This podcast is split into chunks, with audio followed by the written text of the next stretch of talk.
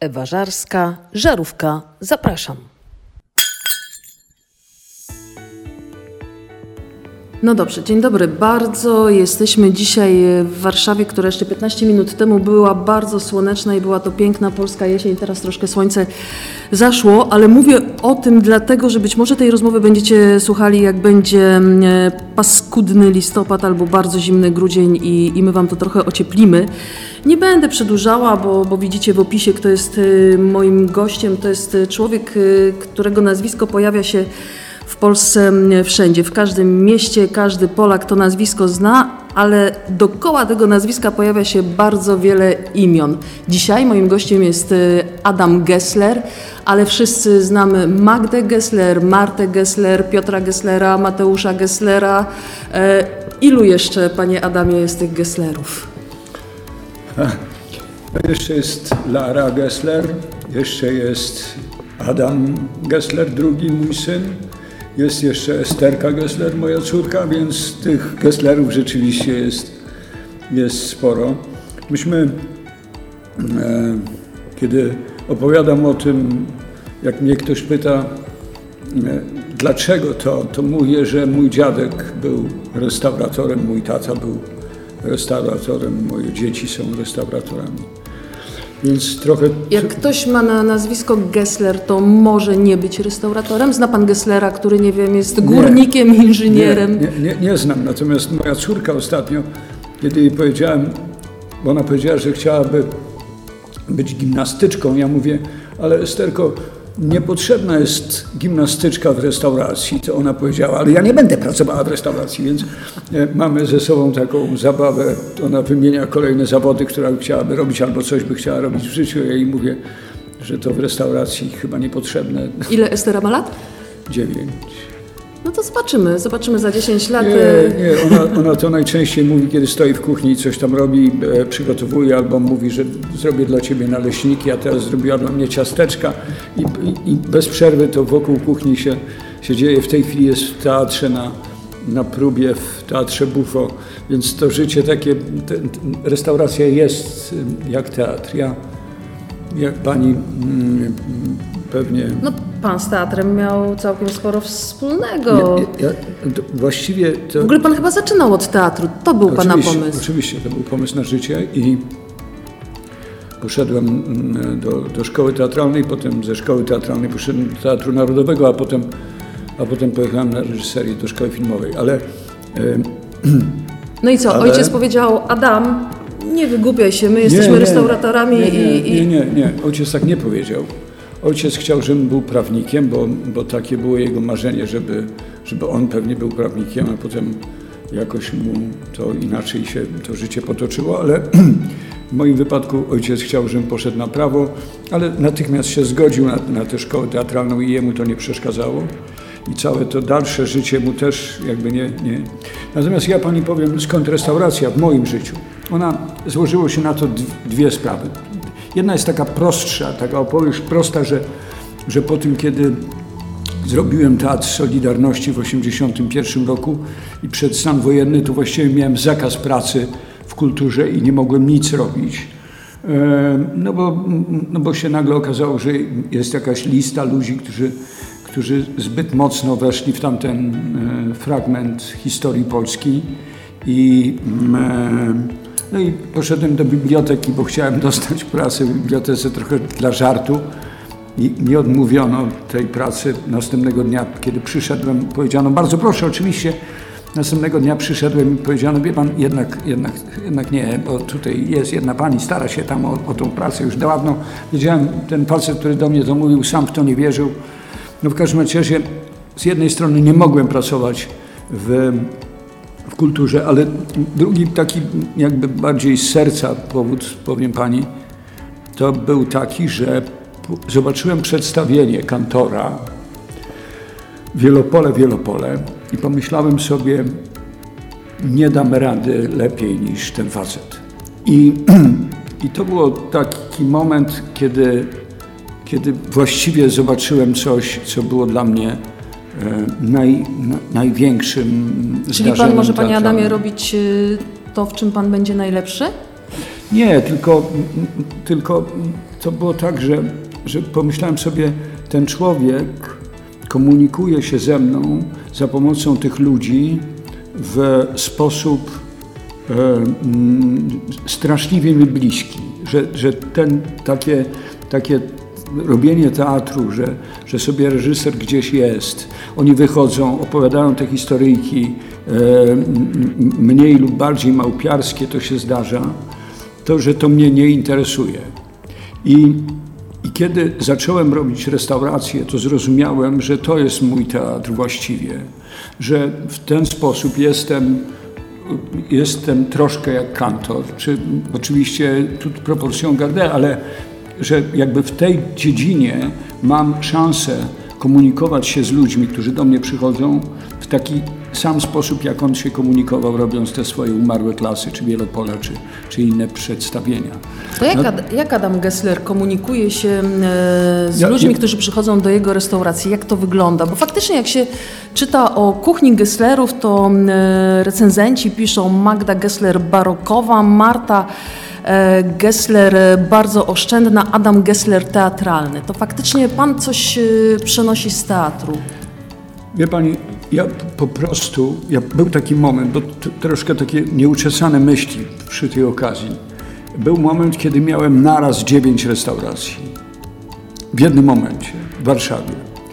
Wracałem do domu głodny, kładłem się spać i miałem uczucie, że wszędzie było, było byle jak nie umiem, jak się okazuje, robić rzeczy nie dotykając ich samemu. I co to znaczy? To znaczy, ten rodzaj restauratorstwa, który ja robię, jest taki, że jak przychodzi do mnie gość, to ja służąc jemu, pytam, na co ma ochotę. E, I jestem przy jego stole. Od początku staram się być do końca. Wejść do kuchni i przygotować mu to jedzenie z jakimś zespołem ludzi, którzy mi w tym pomagają.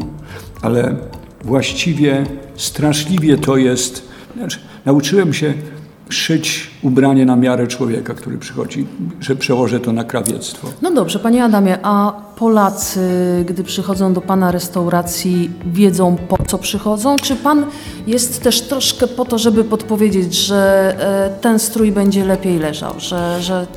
Ja myślę, że troszkę wiedzą z jednej strony trochę ta liczba osób, która do mnie przychodzi, czy ci ludzie, którzy do mnie przychodzą, chyba raczej robią to z wyboru myślą sobie, a pójdziemy, spotkamy się z, z tym, co on dzisiaj nam chciałby zaproponować. E, to, to, to jakby z jednej strony. Z drugiej strony, odpowiadając na Pani pytanie, troszkę jeszcze za mało czasu minęło od komunizmu to dzisiaj w tym naszym, w tej naszej znajomości siebie samych, jeżeli chodzi o jedzenie na pewno. Ludzie mm, jedzą e, ciągle niewłaściwie, jeśli tak powiedzieć można. Jest im wszystko jedno, byle było tanio i dużo. Na szczęście ci ludzie jakby w mniejszej ilości przychodzą do mnie i nie decydują się na to, żeby być tutaj. Natomiast ja rozmawiałam z takim Włochem, restauratorem e, z Łodzi, który ma restaurację tak kompletnie nieciekawą wizualnie, która wygląda jak dom młodzieżowy z głębokich lat 80., który ma w tej restauracji taki trochę kuchenny bałagan, e, ale gdy się dostaje danie, to to jest po prostu mistrzostwo. I ja się w tym miejscu totalnie zakochałam. Chodzę tam niemalże raz w tygodniu. I dużo rozmawiam z Francesco, bo Francesco jest właśnie też e, tym typem e, restauratora, który rozmawia z gośćmi, który opowiada. I on opowiada o wielu przywarach Polaków. On opowiada o ludziach, którzy przychodzą i na przykład do jego e, ostryg zamawiają kole zero. I Francesco jest taki, że mówi, ja im nie podaję, a jak oni się upierają, to mówię wyjdźcie. A Adam Gessler podaje, czy mówi wyjdźcie?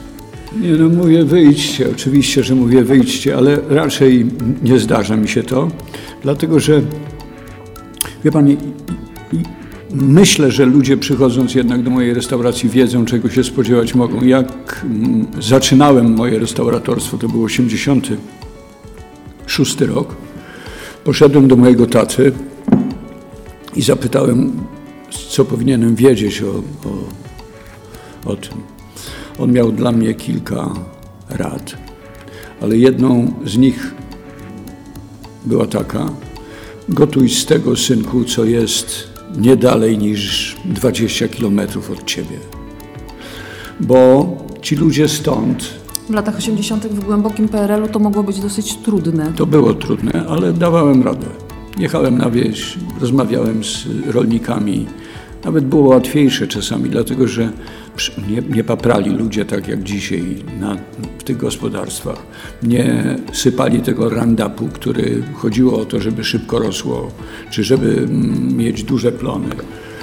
E, więc i przywoziłem te rzeczy do restauracji i z tego rzeczywiście do dzisiaj gotuję. To znaczy nie robię mm, żadnych rzeczy, które nie są z mojego klimatu. A Co nie znaczy, pana?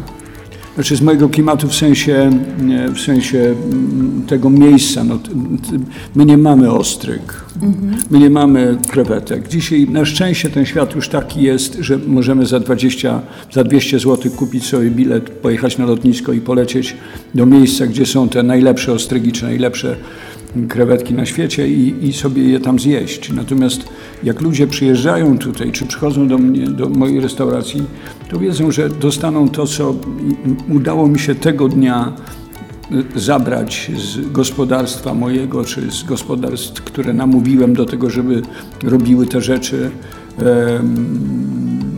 stąd. Wie Pani, wydaje mi się, że Y, że myśmy się wszyscy pogubili. To znaczy my jako ludzkość. Nie chcę, żeby ta rozmowa miała taki charakter, ale, ale chcę to powiedzieć. Właśnie dlatego, że, żeby było tanio, właśnie dlatego, żeby było dużo, to właściwie jest wszystko jedno. Człowiek nie zdaje sobie sprawy, że wkłada w siebie, do środka, te rzeczy, które są um, albo prawdziwe, albo, albo zdrowe, albo, albo nie.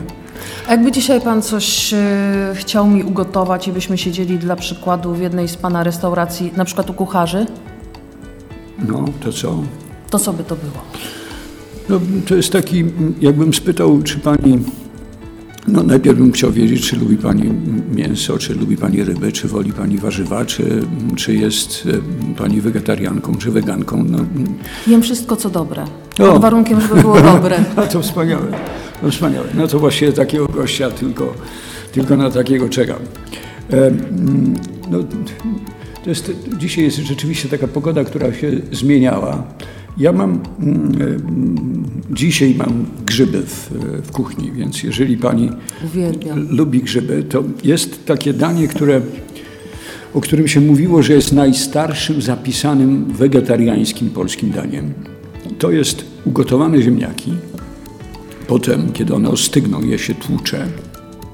Następnie wkłada się w nie e, suszone grzyby, robi się z nich kotleciki Kładzie się je na maśle, na patelni albo na blasze takiej płyty węglowej kuchni. Obsmaża się z jednej i z drugiej strony, a potem do tego się robi oddzielnie sos ze świeżych grzybów, dzisiaj zebranych, takich z, e, dzisiaj są i maślaki, dzisiaj są jeszcze podgrzybki, podgrzybki. podgrzybki są jeszcze, jeszcze, już jeszcze są prawdziwki, zaczynają być rydze. No taki moment polskiej jesieni wspaniałej. Teraz jeszcze w dodatku, jak dzisiaj przeczytałem, jesieni stulecia. I ten sos kładziemy na te, e, polewamy tym sosem te usmażone nasze kotleciki z ziemniaków faszerowanych grzybami, sypiemy na to świeży koper, do tego ja podałbym, mam takie buraki, które marynuję w ten sposób, że najpierw je leciusieńko wkładam do pieca w skorupkach. Potem obieram z tych skorupek, kiedy one są ciepłe i zaczynam je marynować. I kiedy one są, właściwie mają taką pierwszą marynatę, ale bardzo twarde e, buraki, tnę je na ćwiartki e, i do nich robię sos z świeżo tartego chrzanu, śmietany wiejskiej chodźmy i jabłek. Chodźmy, chodźmy. Polewam tym sosem to i te grzyby z tymi plackami, z tymi e, z, tym, z tymi burakami. Wspaniałe zupełnie jedzenie.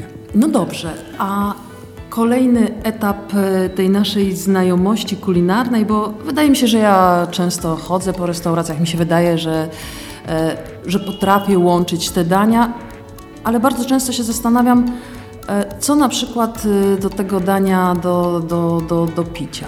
Na przykład wino jak się kiedyś mówiło, wino do wszystkiego, to znaczy...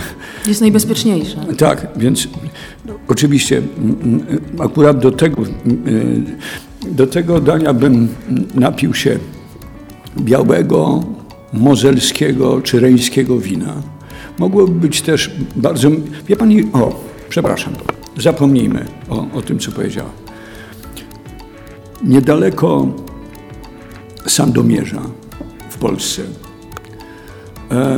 założyli ludzie winnicę. Mhm. Nazywa się Dom Bliskawice. Sprowadzili szczepy z Niemiec właśnie, z Nadrenu i z Nadmozeli. Tam jest starorzecze Wisły i wapienne takie urwiska. I na nich posadzili te, te winorośl robią wino, które się nazywa Johannister albo Villaris. Fenomenalne. Fenomenalne. Ma, ma taką świeżość smaku, a równocześnie coś z tego naszego klimatu polskiego, takiego, takiego... Ładnie się połączy z tymi grzybami. Wspaniale, z grzybami wspaniale. Więc jakby, jeżeli pani by zdecydowała na te grzyby i na te, na te buraki, to podałbym ten, ten Johanister do tego. Ja myślę, że w ogóle przerwę zdaniem. Polska kuchnia jest fenomenalna. Fenomenalna dlatego, że ja się zajmuję tym 30 parę lat.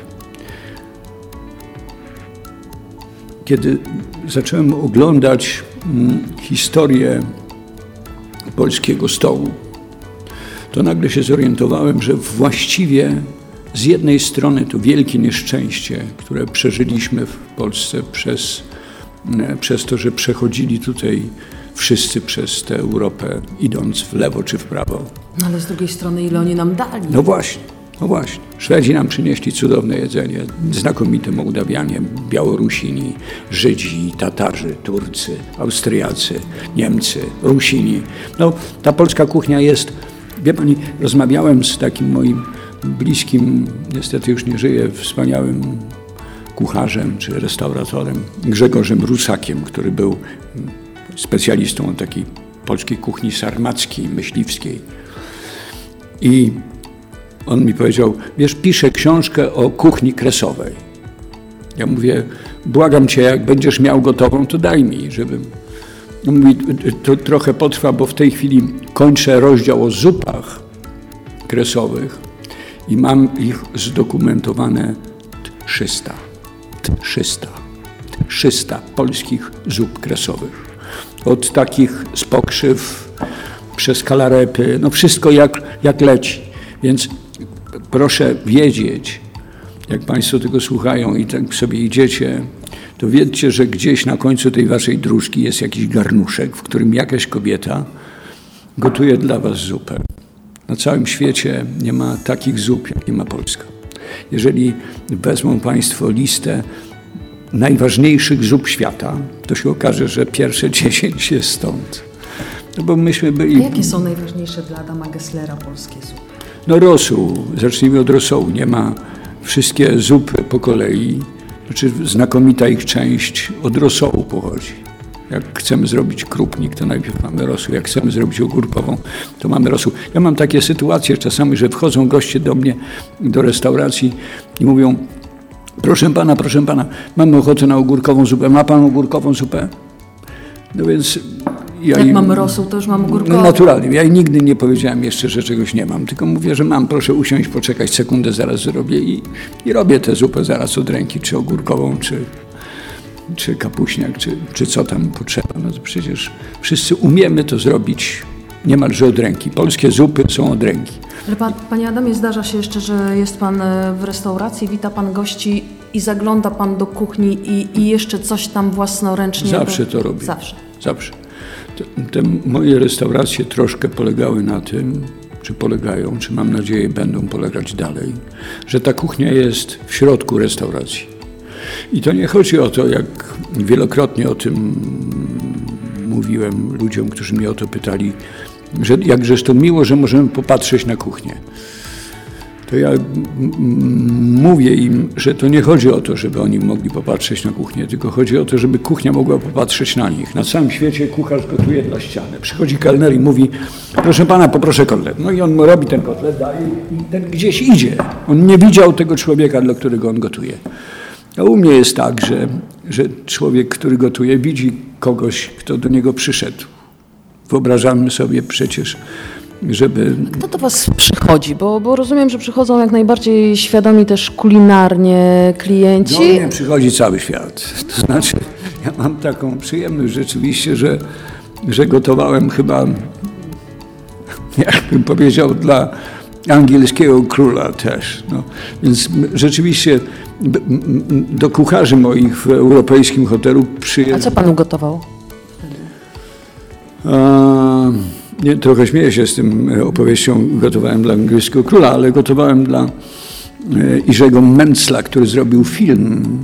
E, obsługiwałem e, angielskiego króla. Natomiast no, dla królów gotowałem także. E, gotowałem dla króla, dla rodziny królewskiej duńskiej. Przy okazji e, zostałem zaproszony przez ambasadora polskiego w Danii żebym przyjechał i zrobił otwarcie ambasady.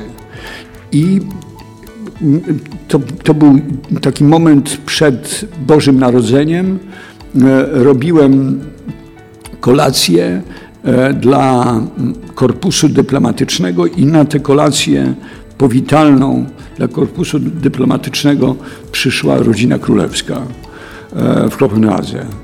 I była to wielka przyjemność. Ja przywiozłem z Polski e, wiele produktów, z których robiłem to jedzenie. Między innymi rzecz, która mnie zachwyciła w smaku swoim. Kiedyś Jan Paweł II, który był w Wadowicach i na rynku opowiadał o, o tych wspomnieniach smaku, mówił o kremówce, o tym, o tamtym, powiedział, że niedaleko z Wadowic jest zator, gdzie są takie stawy e, pożwirowe, przepływowe, gdzie są karpie, które przyszły tutaj w XIII wieku z Węgier, przypłynęły. I że te karpie tam żyją i, i, i, i że pamiętał smak wędzonego karpia. Ja pojechałem do tego zatoru, spotkałem człowieka, nazywał się Sałaciak, który był e, odpowiedzialny za, za, za, za, za te stawy i za za te karpie i on uwędził mi karpia.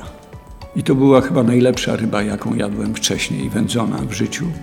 I zabrałem te wędzone karpie do tej, do tej Danii i ludzie stali i widziałem, jak jedzą, trzymając w palcach wędzonego polskiego skarpia, jak im się karpia i jak się im oczy Jak się karp cieszy. Jak się karp cieszy, tak. Panie Adamie, a pan widzi, jak jest pan w restauracji mhm. e, i klienci, goście restauracji, bo to, to, nie są klienci, to są pana goście, bo to chyba w ten sposób pan, mhm. pan bardziej traktuje. Mhm.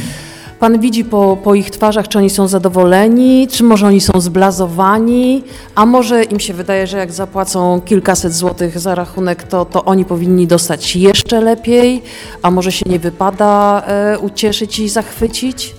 Wie Pani, ja myślę, że e, staram się, ponieważ ta karta w mojej, mojej restauracji zmienia się codziennie. Ja bym powiedział nawet dwa razy dziennie. Co innego gotuję w porze obiadu, a co innego w porze kolacji. To staram się, żeby to jedzenie było najlepsze, jakie może być. I e, jest tak taki obraz filmu Uczta Babette, wiele, wiele, wiele lat temu zrobiony, kiedy e, protestancki taka społeczność wiejska przychodzi do, do, mm, do domu bohaterki tego, tego, e, tego filmu, która zatrudniła mm, kucharkę z Francji, która niestety musiała wyjechać z powodu rewolucji, która się tam odbywała, do tej społeczności, do tej wiejskiej, rybackiej osady w, w, mm, nad Morzem Północnym. I ona przygotowała dla tych ludzi, którzy całe życie jedli suszone ryby, e, przygotowała obiad. I fenomenalna scena tego filmu, kiedy ci ludzie zaczynają jeść i ich twarze się w trakcie tego zmieniają. To ja mam tę przyjemność czasami, patrząc na moich gości, którzy są radzi, że to, e, to zostało dla nich ugotowane czy im podane. Są takie rzeczy, które jak sam myślę o, o jedzeniu, które robię z moimi kucharzami czy z osobami, które u mnie pracują, to, to czasami mm, e, się cieszę, jak o tym pamiętam.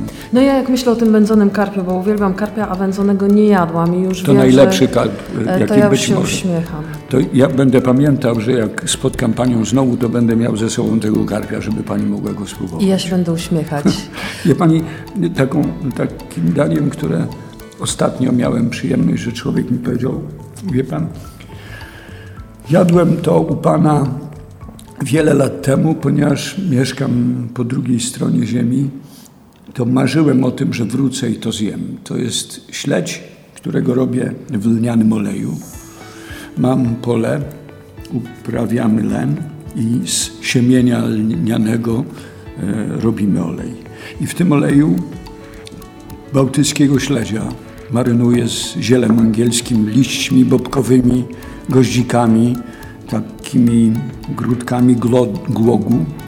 I to stoi 20 godzin i później podaję tego śledzia, daję do niego śmietanę z, z jabłuszkami e, i z- ze sparzoną cebulką i gorące młode ziemniaki. I to naprawdę jest bardzo pyszne. I do tego wódeczka?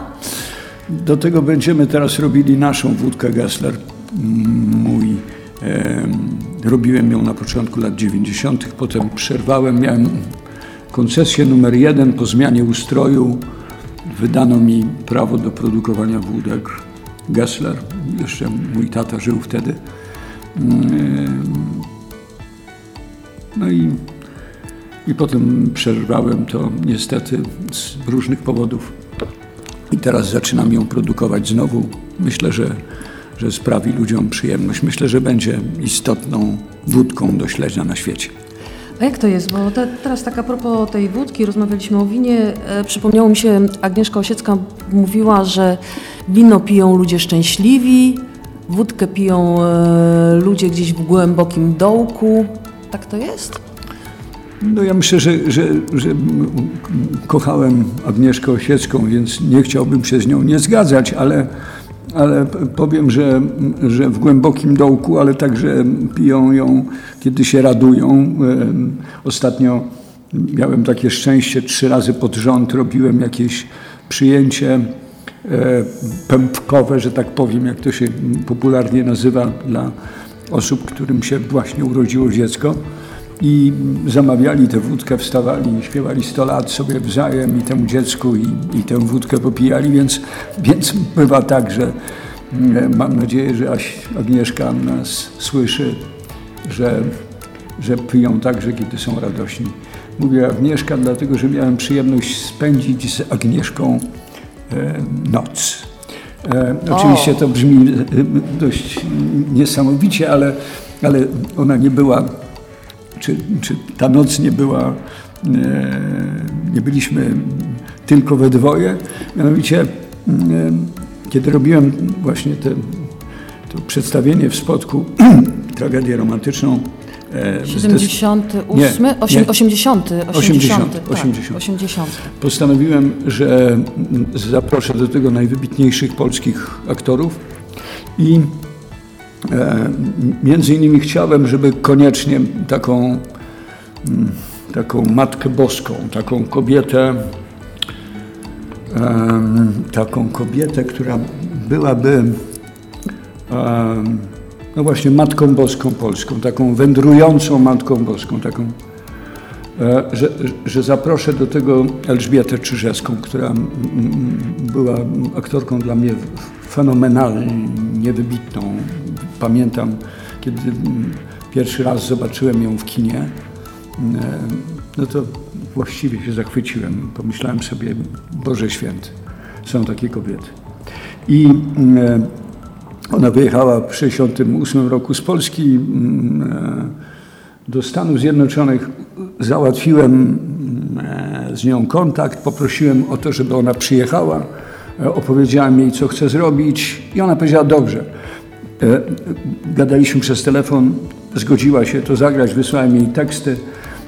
Poprosiłem, żeby, żeby przyjechała. Ona mnie poprosiła, że mm, ponieważ to jest taki jej przyjazd do Polski po wielu, wielu latach, chciałabym, żeby to miało charakter bardzo na początku musi sama się z tym jakoś uporać, więc gdyby można było zrobić tak, że, że że jak ona przyjedzie, to, to żeby, żebym ja ją odebrał z lotniska i żeby nikt o tym nie wiedział i żeby... Mm, no, ja powiedziałem, że mamy dla całej naszej ekipy wynajęty tą znaczącą część hotelu europejskiego.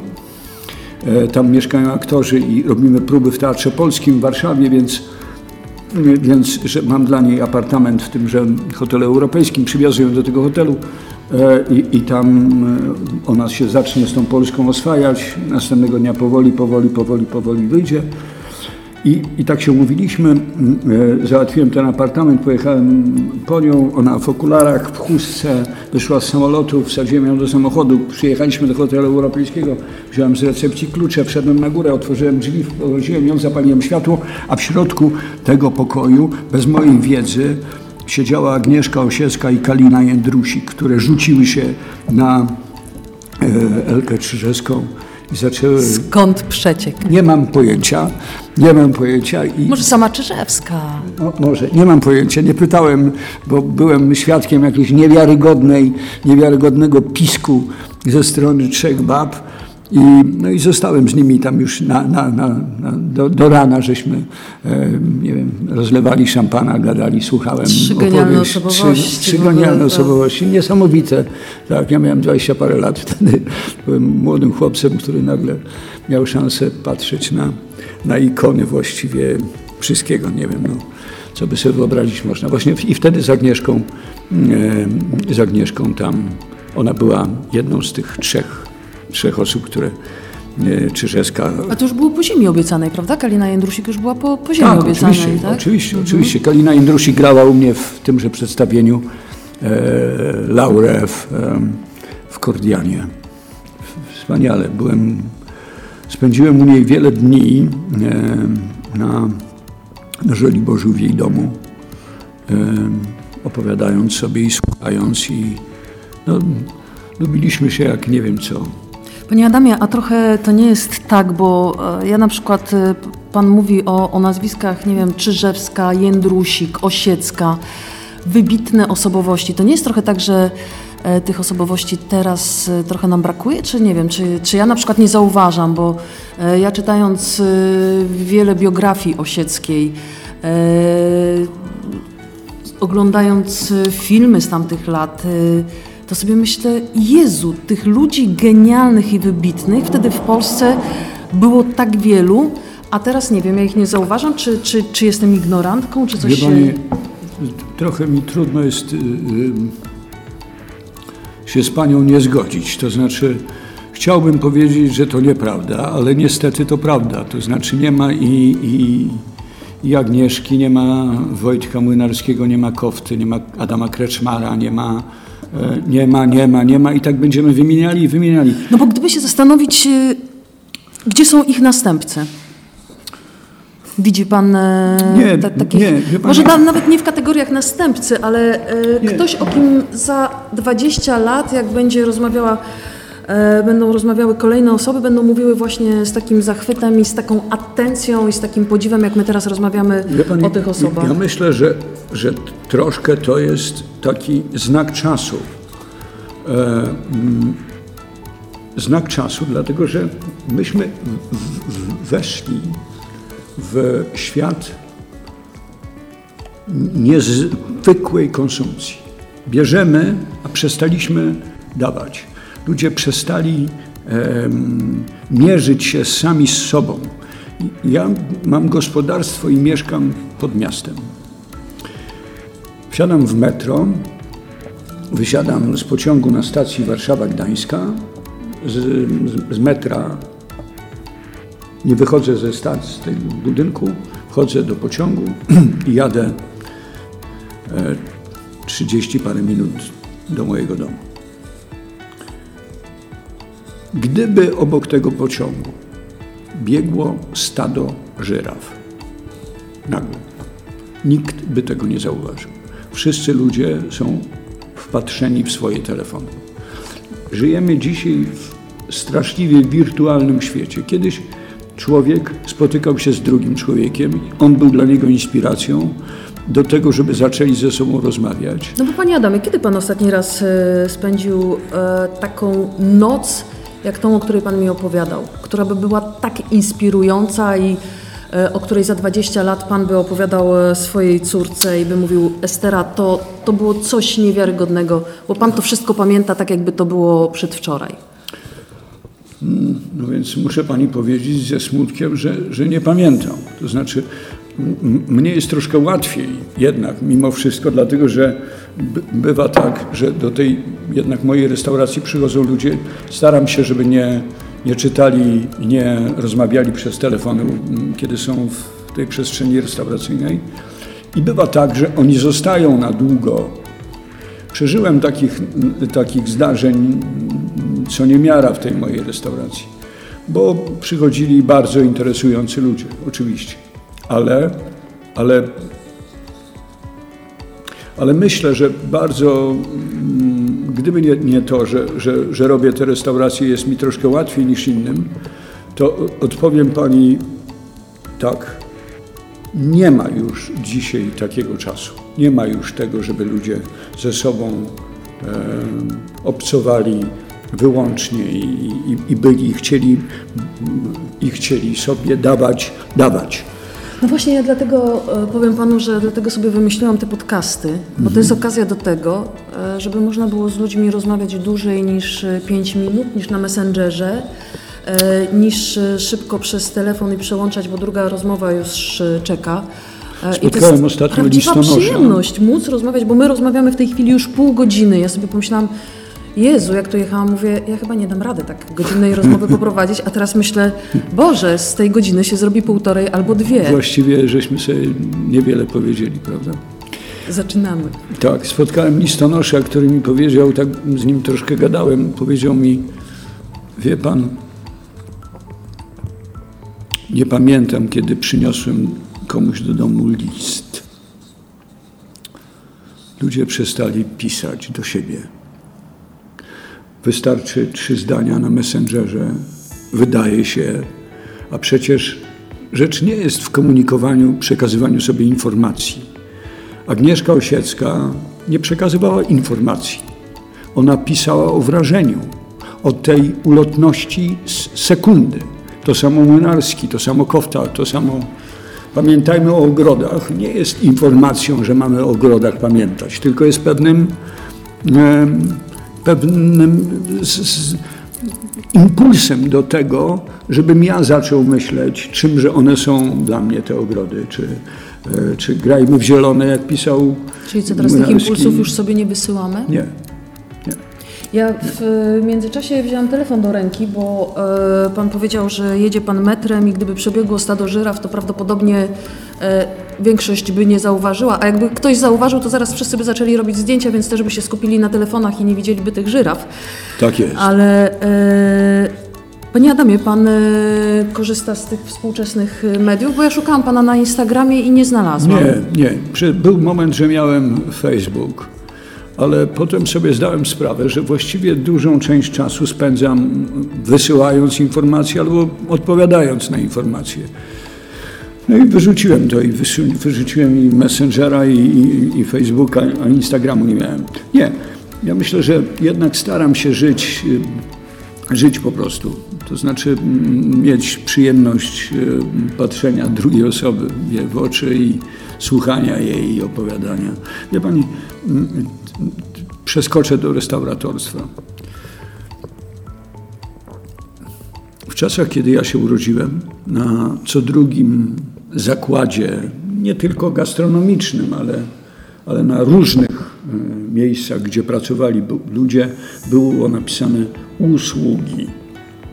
Tylko, że tych usług nie było, bo przez ten okres komunizmu nie wolno było służyć drugiemu człowiekowi. Zapomniano skąd się wzięło słowo usługi.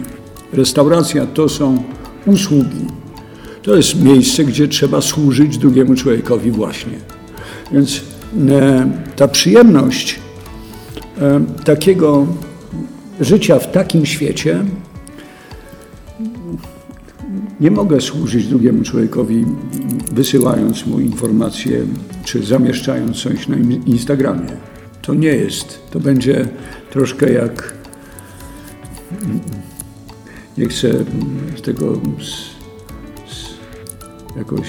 Czyli co, nie idziemy w szerz, czyli w ilość, tylko idziemy w jakość. Nie, w moim mhm. działaniu absolutnie, tylko jakość. Tylko jakość. Ilość nigdy mnie nie interesowała. Panie Adamie, e, kończąc no. E, na razie ten, ten wątek e, restauracyjny, jeszcze będziemy wracać, bo my jesteśmy na Placu Trzech Krzyży zupełnie nieprzypadkowo, bo Co? gdyby nie pewna sytuacja i okoliczność, która za chwilę się wydarzy, to, to bym pewnie Pana namówiła, żebyśmy byli w Pana restauracji w innej części Warszawy, ale, ale kończąc na chwilkę ten wątek restauracyjny, jeszcze zapytam, Jakie są największe grzechy Polaków w restauracji? Na co Pan nie może przymknąć oka? No wie Pani, no, na, chyba na to, że nie przerobiliśmy kiedyś e, opowieści o zachowaniu się przy stole. No, znaczy, e, ja nie mogę przymknąć oko, oka na, na wiele rzeczy, jak wchodzę do, do różnych restauracji. Zacznijmy od obcych restauracji, bo w mojej jest jednak troszkę chyba inaczej. To znaczy, ja pamiętam, kiedy się urodziłem, to mój tata, kiedy siadaliśmy do stołu, to najpierw ten stół był nakrywany. Była w tym jakaś odświętność i dlatego w moich restauracjach zawsze jest obrus i zawsze jest nakładka świeża i wymieniana dla każdego gościa, żeby, żeby było to pewnego rodzaju e, takie mm, no, sakrum. Jakby. Moja restauracja to jest stół. Reszta mnie zupełnie nie interesuje. Zupełnie tak jak w teatrze. Kiedyś do teatru zakładaliśmy odświętne ubrania. Dziś zakładamy dżinsy, ale... Nie zgadzam się na to. Nie zgadzam się na to. Kiedy otworzyłem moją pierwszą restaurację, to było w Ogrodzie Saskim, pierwszym gościem, który do niej przyszedł był, a to wspaniała opowieść. Od no to tego, dajemy. Tak, tak. Otworzyłem z bratem restaurację w Ogrodzie Saskim 1986 rok. Mamy.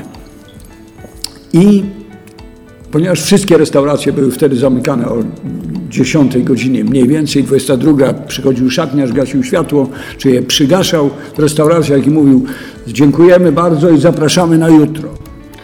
No więc myśmy uznali, że nie będziemy naszej restauracji zamykać. Napisałem na drzwiach bracia Gessler, nigdy nie zamknięty. Pierwszym gościem był wspaniały mm, pan z Nowego Jorku, Żyd przedwojennej Polski, pan Leski z Lwowa, któremu udało się przed 1939 z tego Lwowa wyjechać jakichś tam rodzinnych sprawach do Ameryki i tam został. On usiadł i mówi do mnie tak, panie Gessler, przed wojną jadałem z rodzicami w restauracji George, w hotelu George w Lwowie śniadania. Ja będę, ponieważ mieszkam na Placu Grzybowskim, będę do pana, panie Gessler, przychodził na te śniadania. W hotelu George mój ojciec płacił za śniadanie 4 zł. Ja mam nadzieję, że u pana też będę płacił 4 zł. Myślę sobie, no, jak już tak się zaczęło, ok. Ale on mówi, ale w zamian za to coś panu ofiaruje. Coś, co będzie panu całe życie służyło. Coś bardzo ważnego. Myślę sobie, no dawaj pan, panie Leski, to coś ważnego.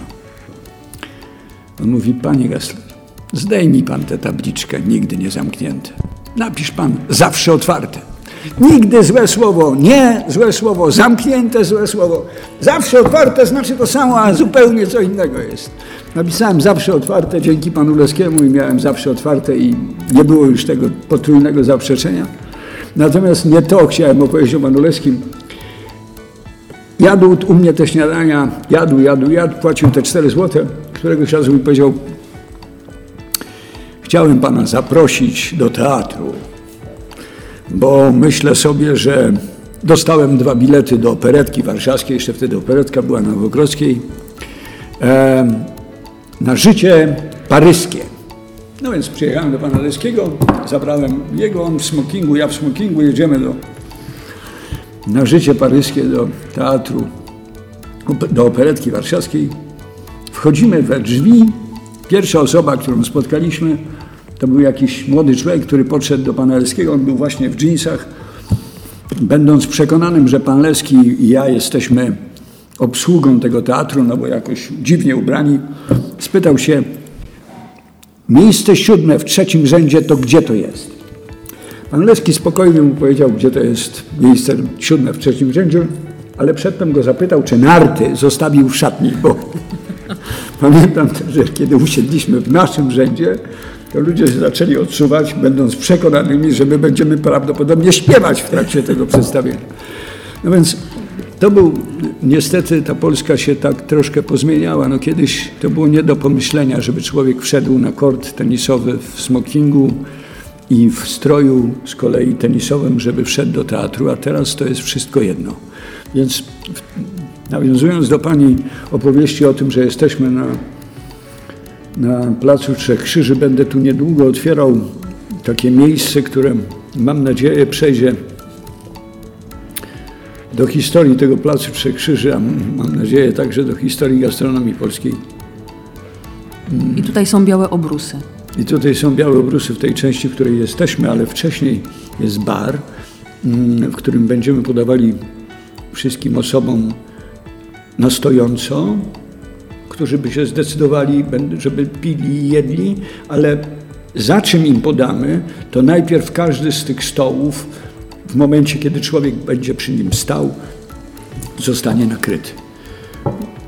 A we drzwiach będzie wisiała tabliczka dress code, żeby każdy człowiek wiedział, że jak wchodzi tutaj do tej publicznej przestrzeni, w której na antresoli będzie siedziała orkiestra i będzie grała od godziny siódmej wieczorem do pierwszej w nocy, e, że umawiamy się wszyscy tu ze sobą, że jesteśmy w pewnej odświętności E, do tego miejsca wchodząc. Ostatnio byłem... To ja się muszę Państwu bardzo e, szybko przyznać, że ja jestem dzisiaj w jeansach i takiej luźnej koszuli, ale jeszcze ta restauracja nie jest, nie jest otwarta e, i po dziesiątym obiecuję trzymać się zasad. Panie Adamie, zaraz wrócimy do tego. Pół, pół sekundy, tylko Dobra. jedno zdanie powiem.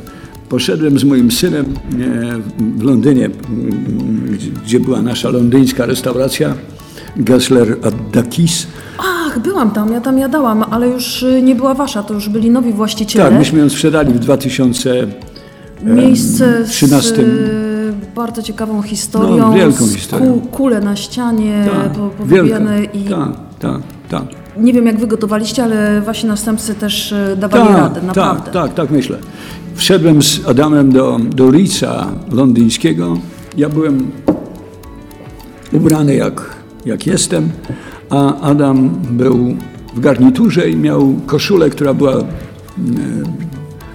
na górze, miał rozpięty guziczek pod szyją. Usiedliśmy przy stoliku, w barze tego szylica podszedł barman, otworzył skrzynkę i powiedział do mojego syna, proszę pana, na pewno będzie panu wygodniej wybierając jeden z naszych krawatów, siedząc w tym miejscu. Skrzynka była pełna krawatów. Ulica, syn wybrał jeden z krawatów, zawiązał sobie pod szyją. Pan podziękował, zamknął skrzynkę i poszedł do baru. Panie Adamie, e, nie, nie mogę, chcę przejść do następnego wątku, a, a cały czas y, się, się trzymam tego, ale to jest y, totalnie ciekawe, co Pan opowiada. E, Panie Adamie, a zdarza się, że na przykład przychodzi klient, gość, chce wejść do Pana restauracji i nie wiem, jest w dresach, jest w obuwiu sportowym i Pan mówi, no nie, no nie. Nie, to, to znaczy, wie Pani, wszystko ma swój czas. Jeżeli to jest dzień i mm, jesteśmy, przyszliśmy na, na lunch, czy, czy jak dawniej się mówiło na tę porę, posiłku, obiad, no to wszystko jest normalne. Natomiast jeżeli wieczorem, e, kiedy inni goście wychodzą na kolację, no to troszkę nie wypada jednak. Wielki pan Marek Potocki, właściciel hotelu europejskiego, a ordynat ordynacji potockich, najstarszy żyjący człowiek tej wielkiej polskiej rodziny. Opowiadał mi, jak właśnie wszedł do Rica w Londynie ze swoją żoną, która jest z bardzo wielkiej europejskiej, arystokratycznej rodziny. Podszedł do niego metr d'hotel. Marek Potocki był w garniturze, znaczy miał marynarkę, koszulę, krawat. Pani była ubrana, jak wyobrazić sobie można. Tyle, że on miał dżinsy. Znakomite, ale dżinsy. Ten pan powiedział, jakżeż miło Państwa widzieć, czy możemy Państwa zaprosić na jutro? No, Opowiadał mi Adam Gessler ma e, jakąkolwiek parę jeansów, bo, nie, nie Państwo mam. nie widzicie pana Adama, ale to, to jest nie, nie mam, ale... totalnie chodząca elegancja, jest mucha, jest... E, ale gdybym poszedł na spacer do lasu i wyglądał jak teraz, to pewnie by ludzie pomyśleli, że zwariowałem, no więc no, wszystko ma swój czas i swoje miejsce. No, jednak jestem, to nie chcę wyjść na jakiegoś e, konserwatywnego człowieka, ale ale no, wygodniej będzie mojemu synowi w krawacie, jak będzie siedział w barze w Ricu. No to prawda, wygodniej mu będzie. Panie Adamie, dobra, na razie kończymy y, ten wątek restauracyjny, chociaż oczywiście cały czas zostajemy y, w tym obszarze, ale ja kiedy słyszę Gessler albo widzę gdzieś nazwisko Gessler, y, nie wiem, na jakimś szyldzie, E, a tych szyldów jest bardzo dużo w Polsce, albo włączam telewizor i jest Gessler, albo nie wiem, jadę do Warszawy Wschodniej i tam też jest Gessler, to się zastanawiam, Jezu Chryste, który z tych Gesslerów jest prawdziwy, a który jest y, nieprawdziwy. I teraz tak, zacznijmy od początku. Ja mam rozpiskę, dlatego Proszę jest mi bardzo. łatwiej. Tak. Adam Gessler i Piotr Gessler to są bracia, którzy zaczyna. Jest ojciec pana oczywiście, tak. E, ale jakby zacznijmy. Adam Gessler i Piotr Gessler, panowie jesteście braćmi. I teraz tak. Pan z pierwszego małżeństwa ma syna Mateusza Gesslera. Tak jest. Tak. I Mateusz jest też restauratorem. Mateusz jest też restauratorem, wspaniałym zresztą. Z Mateuszem pracowaliśmy razem przez, e, przez długi czas. Mateusz znakomitą Od razu dla jasności, żeby było, e, mamą Mateusza Gesslera nie jest Magda Gessler, jak e, nie, wszyscy myślą. Nie, nie. Magdą, mamą Mateusza jest Joanna z domu Fedorowicz, córka Jacka Fedorowicza. Jacek Fedorowicz jest dziadkiem Mateusza. Myśmy poznali się z Joasią na studiach w szkole filmowej. Ona studiowała wydział, na Wydziale Operatorskim, ja na reżyserii. I potem jakby nasze życia porozrzucał stan wojenny. Jasia wyjechała z, e, z Mateuszem do Francji. Ja zdecydowałem zostać w Polsce. No i tak się rozstali, roz, rozwaliło to nasze małżeństwo. E, kiedy dostałem paszport w 1989 roku, e, po raz pierwszy pojechałem do Francji, tam spotkałem Mateusza po, po raz... Po ilu latach? No po bardzo wielu latach. To było, Mateusz wyjechał z Polski w, 1982 roku, po siedmiu latach. Po siedmiu latach wyjechał z Polski, kiedy miał dwa lata. Czyli tak naprawdę y, Mateusz Gessler nie znał ojca do, do, do 89 roku. Czy, czy udawało wam się utrzymywać trochę, kontakt? Trochę tragiczniejsza historia. To znaczy, mm. byłem, on był mi najbliższą i najważniejszą osobą na świecie, a ja byłem dla niego kimś strasznie ważnym. I, i zgodziłem się na to, żeby na chwilę wyjechał z Polski z mamą. Baliśmy się, że może się tu jemu coś stać i podpisałem zgodę, umawiając się z jego mamą, że, że, on, że wyjadą na, na 3-4 miesiące i po 4 miesiącach, kiedy już do Polski przyjedzie Jan Paweł II, że ta sytuacja się zmieni, że ten stan wojenny przestanie istnieć, że nie będzie tego napięcia, ale stało się inaczej. Ona zdecydowała zostać za granicą. Ja nie miałem kontaktu z nimi, nie miałem paszportu, nie miałem prawa wyjechać z Polski. E, I kiedy po, po, po tych siedmiu latach pojechałem tam, kiedy podpisałem tę zgodę, żeby on wyjechał, to, to mm, Joanna mnie poprosiła, żebym nie, nie odprowadzał ich na lotnisko, bo Mateusz nie wsiądzie do samolotu, jak zobaczy, że ja nie lecę. On, dla niego byłem kimś najważniejszym na świecie. Zupełnie najważniejszym. No i kiedy po siedmiu latach przyjechałem do Paryża i spotkałem, e, dowiedziałem się, gdzie oni są i poprosiłem Joannę o spotkanie. Usiedliśmy przy stole i Mateusz nie mówił po polsku nic. I ona tłumaczyła mi moją z nim rozmowę. Ja nie mówiłem po francusku.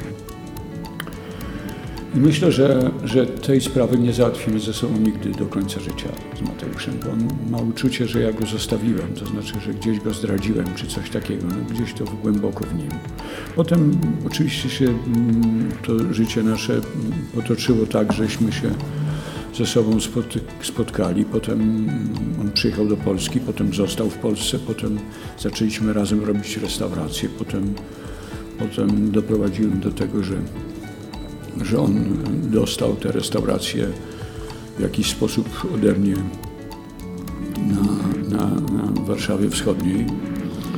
Mm, ale to jest sprawa, która, która jest. Jestem winien tego, że, a pamięta Pan to spotkanie po siedmiu latach? Jak e, w Paryżu pamiętam, się pamiętam. zobaczylicie? No, pamiętam i będę je pamiętał do końca życia. Nie, nie, nie, nie chciałbym nikomu na świecie e, życzyć takiej sytuacji. Bo Mateusz y, mówi pan Adam Gessler. Czy, czy, czy to już się zmieniło? Jeszcze w wywiadach sprzed kilku lat y, mówił o panu pan. Myślę, że się nie zmieniło i myślę, że się nie zmieni nigdy w życiu. Myślę, że, że to. Mm, wie pani, ja nie mam. Pomyślałem sobie, że nigdy w życiu nie powiem jednego złego słowa na, na temat jego mamy, a jemu w szczególności tego nie zrobię. Bo myślę, że, że nie ma e, niczego bliższego niż matka. Ale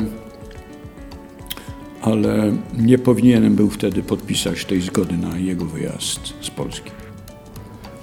Mm, no i, no i mm, w związku z tym łatwo jest, łatwo jest. To, mm, to jest taki trochę. Powinniśmy o tym po, po, pogadać trochę głębiej, ale ale ja nie chciałbym tego zrobić, więc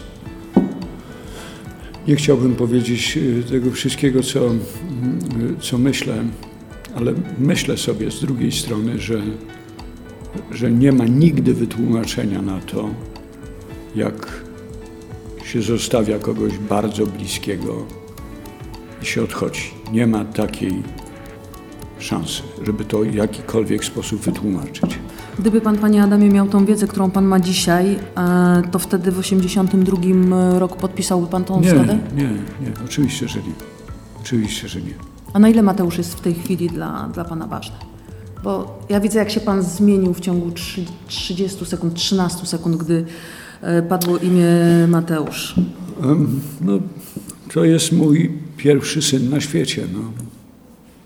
no strasznie ważny, tylko że, tylko że jestem szczęśliwy, że jemu się udaje. I jestem szczęśliwy, że, że, że sobie radzi z życiem i że jest mądrzejszy od, ode mnie w tym, w tym życiu, że, że, że to życie jego jest jednak um, no, mądrzejsze, że tak powiem. No właśnie, mądrzejsze to jest lepsze słowo. Tak? Z drugim synem już pan podejmował e, nie, nie mądrzejsze, ale jakby tak, tak, tak. Inne tak, decyzje, tak. lepsze? Lepsze, no bo, bo, bo w przypadku Mateusza pan nie ukrywa, że, że pan by teraz e, drugi raz postąpił zupełnie inaczej, więc... E, tak, myślę, że nie. No z Adamem oczywiście, że było łatwiej, bo Adam był wiecznie ze mną, ciągle ze mną. My jesteśmy jednym.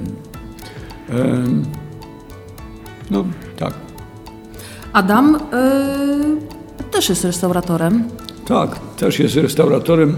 Obaj właściwie, mam nadzieję, będą to robili do końca życia i obaj robią to znakomicie. No, ja nawet... Bo Mateusz y, jest y, bardziej znany w przestrzeni publicznej, e, funkcjonuje w programach e, telewizyjnych, e, funkcjonuje mocno w mediach społecznościowych. Drugi pana syn Adam chyba taki, chyba mniej tej sławy potrzebuje. Nie wiem, czy potrzebuje, ale jakby, jakby mniej, mniej chyba jest e, znany. Jest wybitnym restauratorem. Wybitnym. Ale takim restauratorem e, służącym ludziom w miejscu, w którym on jest. A w którym jest miejscu? Gdzie, gdzie, gdzie możemy... No, teraz Adam będzie tu ze mną w, w tym, jak się mówi, w, na Placu Trzy Krzyży. Otwieramy też restaurację na Pradze. E, bardzo szczególną, mam nadzieję, najlepszą na świecie. E, jestem pewien, że taką ona będzie, bo wreszcie znalazłem miejsce, które, o którym marzyłem całe, całe lata. Jeszcze nie uciekamy, jeszcze nie uciekamy, bo e, jest Mateusz, jest Adam, i jest Esterka, o której pan e, jak tak. mówi, to, to, to jest... E, młodzi ludzie mówią, to się pojawia banan na twarzy, e, ale, ale cieszy się pan całym Rzecz polega sobą. na tym, że, że jeszcze, jeszcze jest jeden mój syn, zaraz o nim opowiem, Michał, ale przeskoczę do Esterki wobec tego, skoro pani o nią zapytała. Esterka jest ponieważ jest dziewczynką, ponieważ jest malutka, ponieważ e, łatwiej jest, znaczy mówię tak, że z synami sobie radziłem, a ona sobie radzi ze mną, więc to jest troszkę tak, że, że ja trochę jednak jestem e, zakochany we własnej córce, można tak powiedzieć. To jest pewnie truistyczne i wszyscy ojcowie są zakochani w swoich córkach, ale ja w swojej jestem, jestem zakochany rzeczywiście. I co Pan jej opowiada o świecie? Jak Pan ją przygotowuje no, do tego świata? Staram się z nią rozmawiać. Na szczęście mama jest świadomą i mądrą osobą, więc, więc dba o nią i zajmuje się nią od rana do, do wieczora każdego dnia. A ja Esterce opowiadam o, o, o mamy takie ze sobą gadanie o, o właśnie o służeniu drugiemu człowiekowi, o, o, o najlepszych momentach w życiu, o zwierzętach. Esterka ma ukochanego psa, teraz ma jeszcze chomika, więc yy, tak, takie... A co zadziwia dziewięciolatkę? dziewięciolatkę zadziwia bez miar tego świata. Myślę, że, że ona jest osobą, która, która jest uważna na, na wszystko, co się dzieje. Patrzy na, na ten świat właśnie um, dobry. Dzisiaj... Panie Adamie, przepraszam, muszę panu zabrać ten kubek, Dobrze, bo, bo będziemy stukać cały tak. czas i się wszyscy będą zastanawiali, co nam stuka. Co, co nam stuka, to kubek. E, Esterka przysłała mi dzisiaj zdjęcie na którym, które Pani pokaże i, i opowiem o tym zdjęciu, bo to zupełnie szczególne. E, przysłała mi zdjęcie, które tu mam ukochana moja córeczka. Jest taka, proszę zobaczyć. Zrobiła taką sobie szafkę, na której postawiła książkę z napisem Ważni ludzie świata i tu jest Adam Gester obok, Job i tak dalej. Więc uznała, że dla niej e, najważniejszymi osobami great people of the world jest jej tata. No, troszkę z taką przyjemnością takiego żartu, ale, ale rzeczywiście mówi do mnie, wiesz co tato?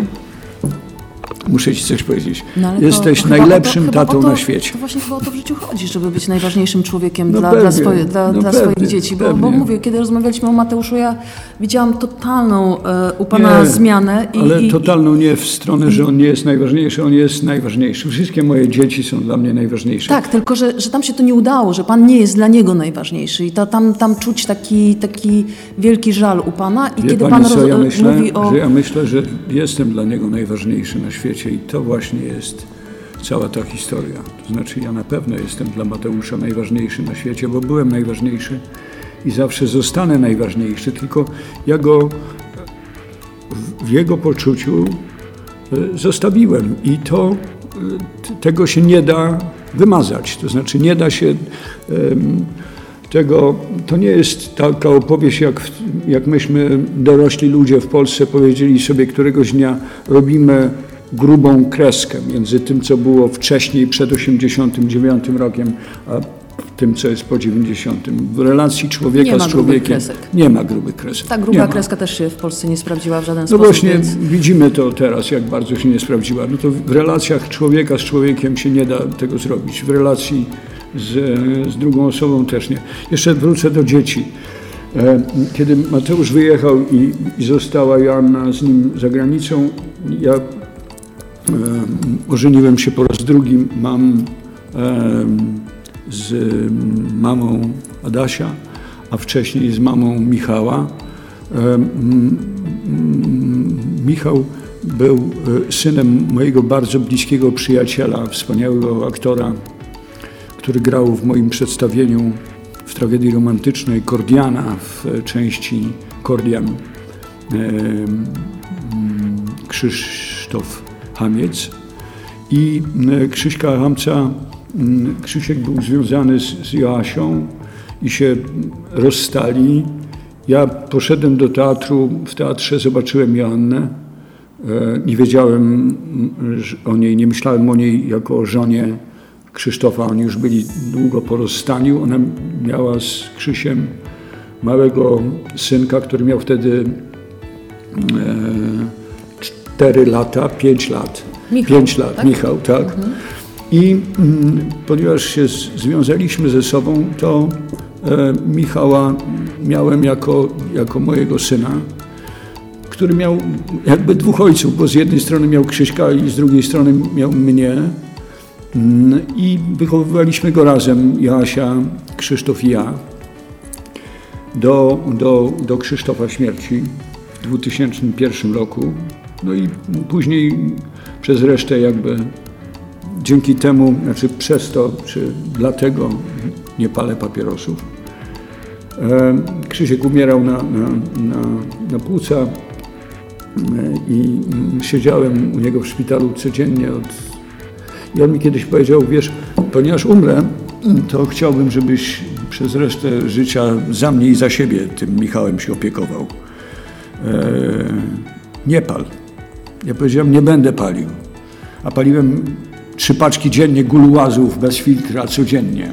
Właściwie tylko paliłem, nic innego nie Wszyscy robiłem. w tylko... PRL-u chyba palili. Tak, ale wtedy wydawało mi się, że nie jestem w stanie bez papierosów żyć. On mi powiedział, daj mi słowo, że nie będziesz palił. Ja mówię, masz moje słowo. On mówi, słowo honoru. No i odłożyłem papierosa, nigdy więcej nie sięgnąłem po papierosa. Nie, Krzysiek umarł, ja nie palę, a Michałem się zajmowałem rzeczywiście dalej.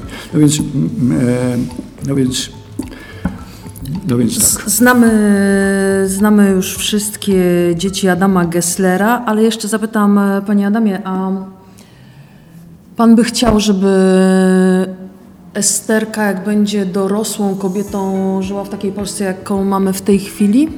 To jest taka Polska, jaką Pan sobie wymarzył dla siebie i nie, dla no, swoich ja, dzieci? Ja myślę, że to się, wie pani, ja jestem e, dzieckiem e, Polski postbierutowskiej. Urodziłem się niedługo po tym, jak umarł Stalin. Potem przeszedłem Polskę Gomułki, potem Gierka, potem stan wojenny, e, te jaruzelskie, wszystkie historie. E, nauczyłem się tego, że się to zmienia. E, I nauczyłem się tego, że, że warto poczekać na, na, na zmianę. Jak pani mnie pyta o tę Polskę dzisiaj, to, to to jest chyba najgorsza Polska, z jaką miałem do czynienia w moim życiu. Najgorsza dlatego, że że nigdy nie były tak jasne podziały. To po pierwsze. Po drugie, nigdy tak dalece hamstwo nie doszło do głosu. E, było nieobyczajne. Ludzie zwracali uwagę. Ham nie miał prawa. Nie, nie, oburzali się wszyscy przeciwko niemu. Dzisiaj, jak Ham wchodzi do tramwaju i zaczyna, czy do mm, publicznego miejsca i zaczyna wymagać e, czegokolwiek, to ludzie albo spuszczają głowy, albo odwracają, albo wychodzą, albo, albo, albo przyłączają się, albo przyklaskują, albo przyłączają się do niego. Więc myślę, że ja myślę, że jednak jednak jest Mnie tak. w tej Polsce, e, muszę panu powiedzieć, e, bardzo boli to, że tak naprawdę mamy wszystko, co co najlepsze na wyciągnięcie ręki. E, to, o co wy walczyliście, to, co, nie wiem, gdzieś nasi rodzice walczyli i my to mamy. I my to mamy na wyciągnięcie ręki, a nie potrafimy po to sięgnąć, bo, bo jak sięgamy, to się po łapach bijemy i... To, to wynika z tego, mm, że... Bo ta dobra Polska jest, bo ta dobra Polska, ja mam takie wrażenie, że ta dobra Polska przez chwilę gdzieś przemknęła. Przynajmniej ja takie miałam w, w moim życiu takie, takie przeświadczenie jeszcze y, kilka, kilka lat temu. Pamiętam, jak w Londynie mieszkałam przez dwa lata i rozmawialiśmy sobie z Maćkiem Borochem, korespondentem z TVN-u. Ja pracowałam dla Polsatu. Siedzieliśmy, piliśmy wino i sobie rozmawialiśmy Fajnie, że mamy taką fajną Polskę, taką otwartą. Maciek już długo mieszkał e, na Wyspach i, i mówi, ja już od jakiegoś czasu się nie wstydzę, że jestem Polakiem, ja jestem e, fajnie, w sensie on nigdy się nie wstydził, ale ta, w sensie, że jest traktowany jak e, każdy inny Europejczyk. I to był taki fajny czas, że mi się wydawało, że ta Polska jest otwarta, że ta Polska jest tolerancyjna, a nawet jak gdzieś tej tolerancji w sobie nie, nie mieliśmy w stosunku do jakiejś grupy, E, to wiedzieliśmy, że nie mówi się na głos, przepraszam, jebać pedała czy Żyd do gazu, bo zaraz wszyscy dokoła e, powiedzą nie, będą oburzeni i po prostu będziemy się wstydzili. E, I to było przez chwilę, a teraz e, wróciliśmy do takiej Polski. było takie powiedzenie, że komuniści są tolerancyjni pod warunkiem, tu się zaczynały te warunki, albo się jest tolerancyjnym, albo się nim nie jest. To nie ma, nie ma. Mm, kiedy w 1989, pamiętam, przyleciał do Polski jeden z wielkich senatorów amerykańskich, był właśnie przyjazd pierwszy ludzi z tamtego świata tutaj i telewizja e, zrobiła z nimi spotkanie i, i oni wyjeżdżali z Polski, ci kongresmeni amerykańscy i senatorowie i zapytano ich, co sądzą o polskiej demokracji. To jeden z nich powiedział: Demokracja to jest taki ustrój, w którym każdy człowiek ma prawo robić dobrze. To nie znaczy, że ma prawo robić co chce. I to jest do dzisiaj jednak e, powinno być takie memento dla nas wszystkich. Wie pani.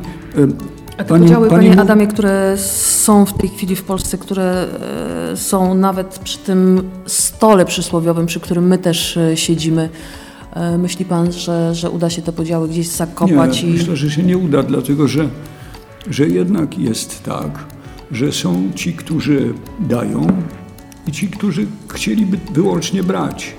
Więc to ci, którzy biorą, uważają zawsze, że biorą za mało i uważają, że, że im się należy.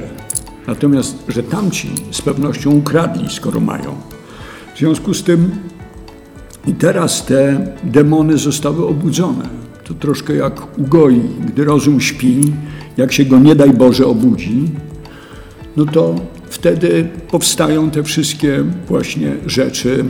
Ja czytałem teraz, że Andrzej Seweryn nie zgodził się na to, żeby w telewizji odbyło się benefis jego tam 50, 50-lecia pracy na scenie ze względu na to, że... Rozumiem, że telewizja publiczna chciała ten benefis zrobić. Tak, i on był gotów to zrobić, tylko e, dał listę osób, które chciałby, żeby były w tym studio, kiedy będą ze sobą rozmawiać o jego 50 latach. I telewizja skreśliła Aleksandra Smolara i powiedziała, dobrze, ale pod warunkiem, że ten pan nie przyjdzie na to spotkanie. No to Seweryn powiedział, to nie będę. I nie to jest takie, e, e, takie, takim znakiem czasu, no bo telewizja publiczna jest jaka jest, nie będziemy o tym gadali, po co nam to jest. E, natomiast w tymże internecie przeczytałem komentarze osób na ten temat i nie ma pani pojęcia, jakie szambo się wylało. Mam pojęcie, bo, bo czasami zaglądam z pełną premedytacją i, i czytam komentarze i jestem tym przerażona. To, ale, to, ja mam, to ja mam tego po dziurki w nosie. ale Kiedyś mam wrażenie, e, ale ja sobie tak tłumaczę, że, że to jest e, jedna jakaś grupa i ta sama, która e, nic innego nie robi, tylko hejtuje, hejtuje i, i mam nadzieję, że my nie jesteśmy, że, że to nie jest, że to nie jest Polska.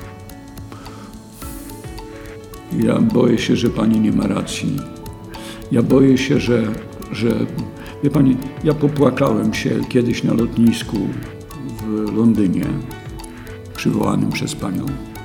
Byłem na lotnisku w Stansted e, i zobaczyłem, że wyświetla się słowo Rzeszów. I pomyślałem sobie, Boże Święty, jak to fenomenalnie, że dożyłem tych czasów, kiedy nagle te polskie miasta stały się europejskimi. W taki sposób, że one są, istnieją, po, pojawiają się na lotniskach świata. I lękam się, że za chwileczkę będziemy wymazywali te nazwy polskich miast bo dojdzie tutaj do, do sytuacji, w której to, że jesteśmy Europejczykami, będzie naganne. Będzie się nam wmawiało, że jest e, obowiązkiem Polaka skupić się na polskości. Jeżeli jest przyzwolenie na to, żeby mówić No dobrze, Panie Adamie, ale pan ma, pan ma restauracje nie tylko w dużych miastach, nie tylko to jest Warszawa, nie tylko Kraków, ale to są też mniej, mniejsze miasta. Tak, I ale ci może ludzie w tych mniejszych miastach hamują się. Wie pani, hamują się.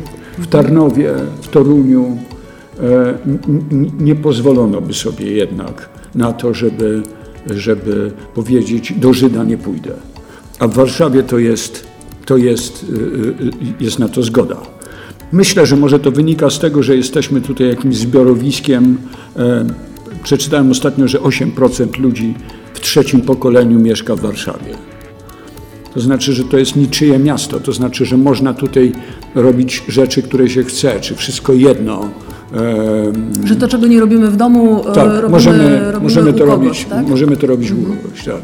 Myślę, że, że tak, ale mm, strasznie jest mi przykro w Polsce w tej chwili. Bardzo jest mi przykro. Myślę, że, że ci ludzie, którzy doprowadzili do tej sytuacji, troszkę sobie nie zdawali sprawy, że ona się im wymknęła z, z, z, z ręki. Albo mam nadzieję, że... A ja myślę, że to jest e, Premedytacja. pełna premedytacja. Niestety. Co chyba jeszcze Wolałbym, żebym ja miał rację, a nie pani. Ale boję się, że pani ma rację. Niestety. Panie Adamie, e, zanim jeszcze przejdziemy do tego miejsca, ja już nawet nie chcę patrzeć, jak długo rozmawiamy, ale mi się dobrze rozmawia, więc to, to ma być przyjemność przede wszystkim dla mnie. Mam nadzieję, że dla Pana też w jakimś stopniu, ale chyba jestem bardzo egoistyczna Nie, nie, e, nie, i dla tych, którzy będą e, słuchali. Panie Adamie, e, Wie pani mów- co, jedno zdanie chciałem powiedzieć, bo coś mi tak przeleciało i myślę, że warto jest o tym powiedzieć, co to jest restauratorstwo jednak. Pani powiedziała, że była Pani w Londynie w restauracji z której, którą miałem w istotny sposób przez e, fragment jej historii, byłem jej właścicielem. E, powiedziała Pani o kulach. Dwa zdania na ten temat. Twórcą tych kul w Dakisie jestem ja. Opowiem tę historię. Już pani opowiem. Dakis był wyłożony nieskończoną ilością tapet od 1946 roku, naklejaną jedna na drugą. Kiedy ja tam przyszedłem i przebudowałem tę restaurację zupełnie, bo to było inne miejsce, nie chcę powiedzieć okropne, ale inne, zerwałem te tapety z tych ścian i pojawił się, pojawił się ten czas w tych ścianach, taki y, y, tych kolejnych klei, kolejnych farb, które były wcześniej i tak dalej, i tak dalej. I pomyślałem, że zostawię to, bo nic takiego jak znak czasu w takim miejscu, szczególnie jak, jak Dakis. Ale jeden fragment ściany był yy, po zerwaniu, zostały dziury po elektrycznych kablach, takich poprzykręcanych do, do, do, do muru. Więc myślałem, co mam z tym zrobić? Jak to zatynkuję, to będzie okropnie. Mm, myślę, zostawię to i oszklę, po prostu narożnik oszklę. Dam y, y, szybę, żeby to się nie sypało i żeby te, te dziury zostały. Nie, nie, panie Adamie, nie chce mi pan powiedzieć... Nie, to nie jest koniec opowieści. Musi pani posłuchać tego do końca. Bo ja znam historię tych kul, opowiadali mi nowi właściciele. Więc ja pani ją opowiem, bo oni znają ją ode mnie. I e, któregoś razu, zaraz po tym jak to się stało, e, przyszedł do mnie ze swoją rodziną ówczesny minister obrony narodowej Polski, a w tym momencie minister spraw zagranicznych Radosław Sikorski ze swoją żoną i synami. Weszli do restauracji i chłopcy zobaczyli, że to jest polska restauracja i powiedzieli, nie tato, chodźmy stąd, polska restauracja, no może do jakiejś innej pójdziemy. Jemu się trochę zrobiło głupio, i, a, a, ja jakoś próbowałem tę sytuację ratować, więc mówię, dobrze, to idźcie gdzie indziej, ale na sekundę chciałem wam coś pokazać. Wziąłem tych chłopaków, przyprowadziłem ich do tych dziur i mówię, zobaczcie, tu jest niezwykły fragment ściany, mianowicie był 46 rok, siedział polski oficer przy, przy stole i nagle zobaczył przebranego w prywatne ubranie gestapowca, którego poznał z Polski. Ten gestapowiec zobaczył, że go ten Polak rozpoznał, wyciągnął broń i zaczął strzelać. Nie trafił i stąd powstały te dziury. Czy A ja uwierzyłam w tą historię. Czy chłopcy, pani wierzyła? Chłopcy stanęli, zaczęli dotykać tego szkła. Mówią, o Boże. Na to podszedł Sikowski, który powiedział, no Walter, no to są kule po Walterze, absolutnie e, e, od, e, z tego pistoletu. Żeby tego nie było koniec, chłopcy chcieli wyłącznie w tej restauracji jeść. Zostali na obiedzie tego i tego następnego dnia. Kolejnego dnia przychodzi Sikorski z ambasadorem polskim w Lwowie i z dwiema jeszcze osobami, przyprowadza ich do tych dziur i mówi, zobaczcie, tu są dziury i opowiada moją historię, wymyśloną 15 minut wcześniej o tych, tych, więc e, po, pozdrawiam, jeśli pan, panie ministrze, będzie słuchał tej opowieści, to mam nadzieję, że mi pan wybaczy. To, że wprowadziłem Pana w błąd, ale czego się nie robi dla następnych pokoleń i dla młodych ludzi. Natomiast siedzi przede mną kobieta, która usłyszała tę opowieść o tych kulach. Proszę wiedzieć, że ta opowieść, którą Pani opowiedziano, była prawdziwa, a moja jest myślona w tej chwili, więc żebyśmy to jakoś zakręcili. Ale... I teraz się wszyscy zastanówcie, co Adam Gessler dzisiaj opowiedział, co było prawdziwe, a co było fikcją. Tak jest. Panie Adamie. Restauracja to jest, to jest imaginacja. Panie Adamie, mm, jak się wpisuje w wyszukiwarkę Adam Gessler, to pierwsze wyniki e, wychodzą dłużnik. 50 milionów długu. Tam pojawiają się... To, to, to, genialne jest, dlatego że to 50 milionów jest genialne, bo ostatnio było już, ktoś napisał w jakimś artykule 30 milionów i taki wspaniały pan, e, dziennikarz genialny, Jerzy Iwaszkiewicz, przychodzący do mnie do restauracji, usiadł i mówi, panie Adamie, co to się stało? Czytałem teraz 30, dawniej czytałem 50. Ja mu na to, panie Jerzy, wygrałem w Totolotka 20 milionów, zapłaciłem 20, no już tylko zostało 30.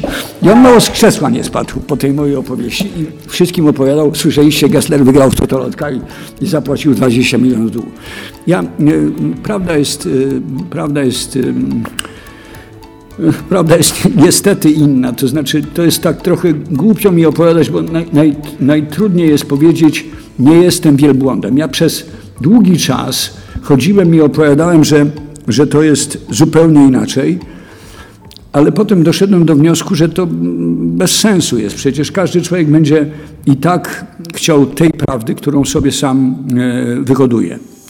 Więc w jednym zdaniu.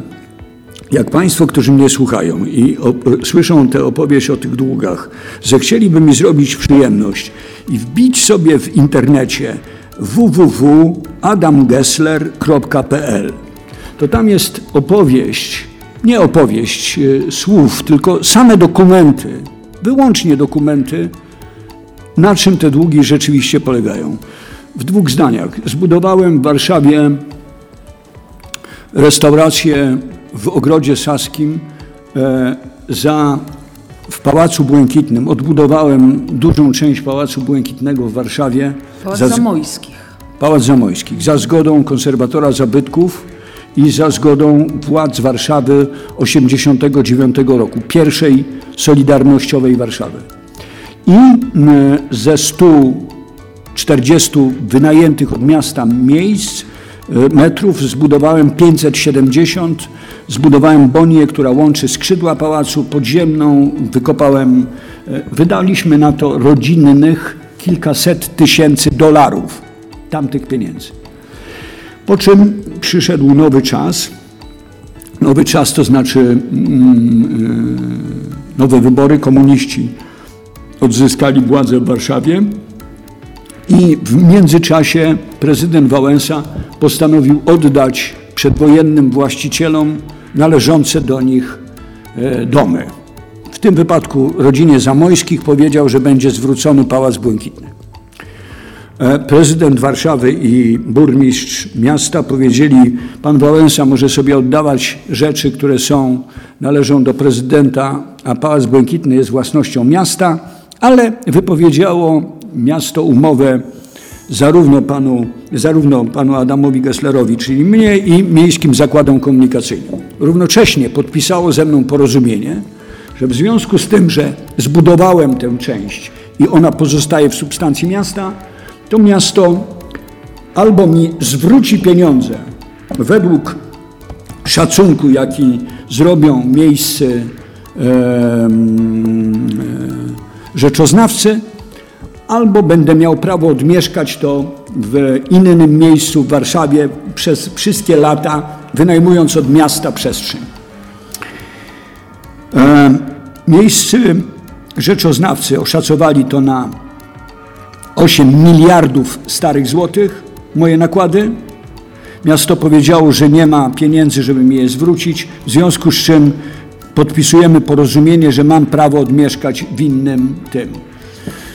W międzyczasie mm, zawarliśmy trzy porozumienia z władzami miasta podpisane przez zarząd. W międzyczasie kupiłem od miasta Teatr Rozmaitości w Warszawie, który okazało się, że miasto sprzedało mi, nie będąc jego właścicielem, więc zawarliśmy ugodę w sądzie, z której to ugody wynikało, że że ja kupiłem od miasta prawo do nazwy Teatr Rozmaitości, a nie prawo do budynku.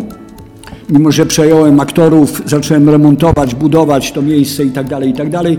No ale wycofałem się, żeby nie, nie doszło do skandalu. Także do dzisiaj słowo Teatr Rozmaitości to jest własność pana Adama Gesslera, a w mieście teatr się nazywa TR mimo że przez kilka, przez 100 lat się nazywał Teatr Rozmaitości. Przełożę na chwilkę Pana telefon, bo on dzwoni, żeby nam nie zakłócał. Dobrze, Dobra, może być dobrze, minutkę. Tak. Joasia dzwoni. Nie dobrze. wiem kto, nieważne. Możemy jeszcze 15 tak, minut? Bardzo proszę. I e, w momencie, kiedy, mm, kiedy teatr, mm, kiedy e, zawierałem z miastem kolejne porozumienia na ten temat, w jaki sposób to ewentualnie będę miał prawo odmieszkać, przekazany przeze mnie budynek w Pałacu Błękitnym, to przyszedłem do urzędnika kolejnego. Jak Państwo przejrzą te dokumenty, to zorientujecie się, że jest napisane Za chwilę, jeszcze tydzień, już notariusze są wyznaczeni na nasze porozumienia, etc., etc., etc., etc. Kiedy przyszedłem do... Panie Adamie, to o- kto, z pana, ostatnie, to kto do, z Pana zrobił takiego dłużnika? O co, o co chodzi? Chodzi o to, że przyszedłem, to rozumiem, niech co, pani da mi skończyć Mhm, to, to zdanie. Przyszedłem do, do tego urzędnika, on mi powiedział, panie Gessler, jakie to przykre, akurat przedwczoraj przedawniło się pańskie roszczenie w stosunku do miasta, bo miał pan rok na to, żeby wystąpić przeciwko miastu do sądu, ale minął ten rok i niestety e, sąd polski zobaczą Państwo w tych dokumentach, zakazał miastu nazywać mnie dłużnikiem, zakazał miastu wchodzić na teren moich restauracji, zakazał miastu nazywać mnie dłużnikiem i utrudniać mi prowadzenie działalności, ale ci urzędnicy mieli to w dupie, dlatego że chcieli przejąć tę moją restaurację, chcieli ją, e, e, mi ją zabrać, i stąd zaczęli pisać o, tych, o tym, że jestem winowajcą, że jestem dłużnikiem. To jest tak, że his... Przeszkodziło to Panu mocno w ostatnich latach w życiu? to mi w ogóle przeszkodziło w życiu, jak nie wiem co. No. Jednak e, nie jest wszystko jedno. Nie czy no, muszę Panu kolejną rzecz Dobrze. zabrać. Polska jest krajem, czy jesteśmy krajem, w którym, w którym się mówi, czy on ukradł, czy jemu ukradli, był zamieszany w kradzież, więc lepiej, lepiej. Tak, przeszkodziło mi to w życiu, oczywiście, no pewnie, pewnie. No dobra, ale jest Pan y, dorosłym, mądrym facetem, No. mężczyzną, bo... Wspaniale. No bo po Zupełnie 10, po z- 10 latach e, takiego PR-u, tak czarnego PR-u, E, sobie radę. siedzimy, daje sobie pan doskonale radę. Siedzimy w miejscu i teraz przejdźmy, zamknijmy już to nasze spotkanie. Siedzimy w miejscu na placu Trzech Krzyży, jest e, jesienna niedziela. Godzinę temu, jak zaczynaliśmy, czy półtorej temu, prawie jeszcze świeciło słońce, teraz nie świeci, ale nie siedzimy dlatego, że e, nie wiem dlaczego nie, ale siedzimy, bo No, siedzimy, bo, bo mam nadzieję otworzę coś. Wiele lat temu zrobiłem takie miejsce, które się nazywało Przekąski Zakąski na krakowskim przedmieściu. Wszyscy znają, bo była to Tak. akurat y, cała sprawa krzyża i Tak, tak, tak, tak. I potem z tego powstało 700, jak przeczytałem w New York Timesie, takich miejsc w Polsce, nazywają się pijalnia wódki piwa, albo nazywają się e, meta, seta, galareta, czy, czy jakoś tam. I doszedłem do wniosku, że przyszedł czas właśnie, żeby się nie zgadzać na to, że jest jakaś byle jakość w tym. Ponieważ ja to miejsce otworzyłem na tym krakowskim przedmieściu, była troszkę potrzeba matką wynalazku.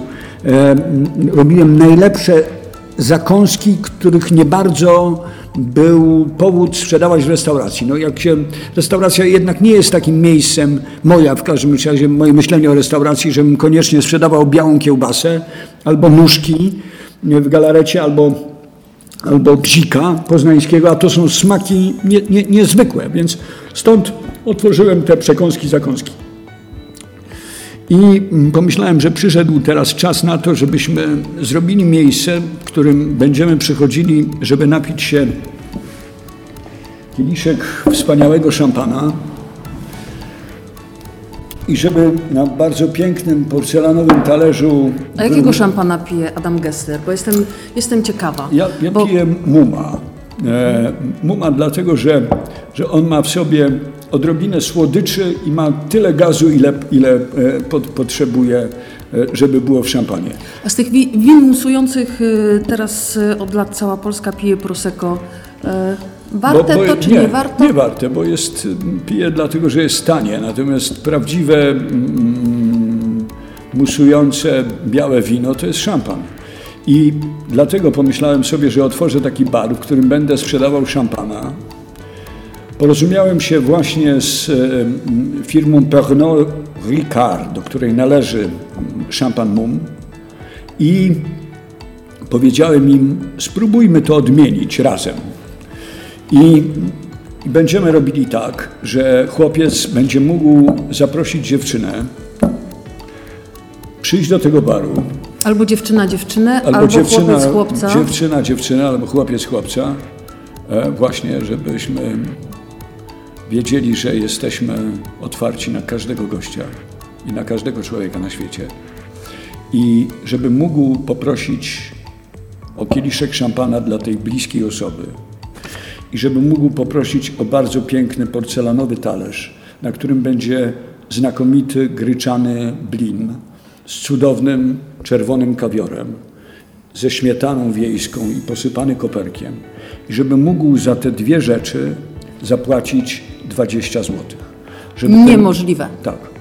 Niewykonalne. To będzie wykonalne. Doprowadziłem do tego, że, że będę mógł tego szampana nie zarabiać na nim, ale żeby właśnie był kieliszek szampana za 8 zł i żeby talerzyk z, talerz z prawdziwym blinem kosztował 12 zł i żeby za to zapłacić 20 zł i żeby słuchać prawdziwej orkiestry, która będzie grała na górze i żeby można było być, tylko na drzwiach będzie napisane dress code. Żeby było tak, żeby było takie miejsce, które mam nadzieję będzie się powtarzało i pączkowało przez całą Polskę, żeby było tak, że niekoniecznie stoi obok nas kompletnie pijany człowiek, tylko żeby można było właśnie zjeść prawdziwe foie gras też za 12 zł i znakomity znakomity, Ale znakomitą nie, nie boi się z pan, że ryżami. jak y, będzie można taki zestaw genialny kupić za 20 zł, to zaczną przychodzić ludzie, którzy niekoniecznie Nie. będą wiedzieli, że przychodzą po tego Nie. szampana i po Nie. to foie gras? Nie, nie, bo Nie. oni pójdą do, do tych pijalni wódki i piwa za 4 zł. Kupią tę wódkę i za e, 8 zł jakieś przypadkowe nóżki czy, czy przypadkową kiełbasę. To kiedy, panie Adamie, się widzimy? 9 listopada otworzę. Myślałem, że zrobię to wcześniej, ale, ale otworzę 9 listopada. Jest strasznie wiele rzeczy, które chciałem Państwu jeszcze opowiedzieć. O niesamowitych osobach, które w życiu spotkałem. O niezwykłych gościach, którzy przychodzili do mojej To ja mam pomysł, bo my już naprawdę nie możemy dłużej rozmawiać, bo już nikt nie będzie tego słuchał. No ja do pracy idę 45 minut, a to już muszę, to idę i wracam i ta rozmowa jeszcze trwa. Panie Adamie, to umówmy się tak, że jak goście będą do Pana przychodzili tutaj na plac Trzech Krzyży, Pan będzie, prawda? Zawsze. Zawsze Pan będzie. E, to jeszcze oprócz e, tego szampana, tego foie gras, e, w, tej, w tym zestawie jeszcze będzie Pana opowieść. Naturalnie. No. Jak tylko będą chcieli słuchać. Naturalnie. Ja myślę, że od tej opowieści zawsze się to będzie jak w jakiś sposób zaczynało, to ich jednak tutaj przychodzenie. Mm, tak bardzo. Wie Pani, jak mówiliśmy przez chwilę o Osieckiej i o tych innych jeszcze osobach, to naprawdę w tym życiu spotkałem e, w tych moich restauracjach niesamowite osoby. Niesamowite i mm, zdarzyły się, czy zdarzały się takie chwile, o których warto byłoby mm, e, by sobie poopowiadać. Był taki też czas, kiedy robiłem program w telewizji o niezwykłych miejscach w Polsce. Potem się okazało, że tych miejsc niezwykłych w Polsce jest zupełnie niewiele. Ale myślę, że może to się teraz zaczęło zmieniać i, i jest ich już troszkę więcej. Panie Adamie, muszę kończyć.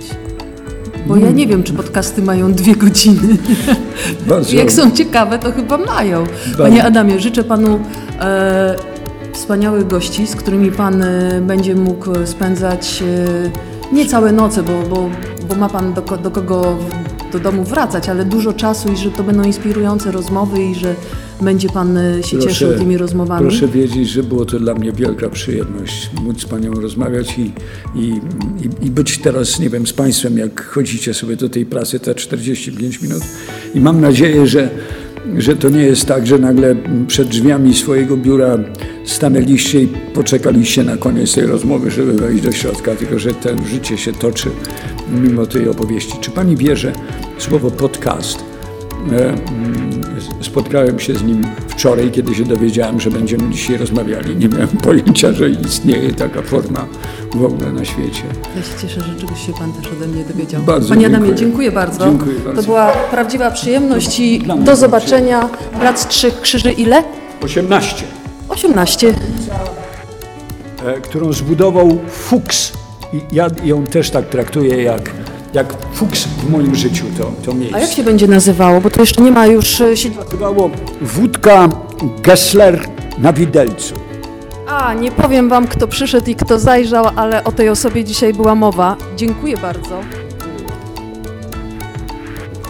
Tak, tak. I tata mi pokazywał zdjęcie, jakie dzisiaj tacie wysłałaś.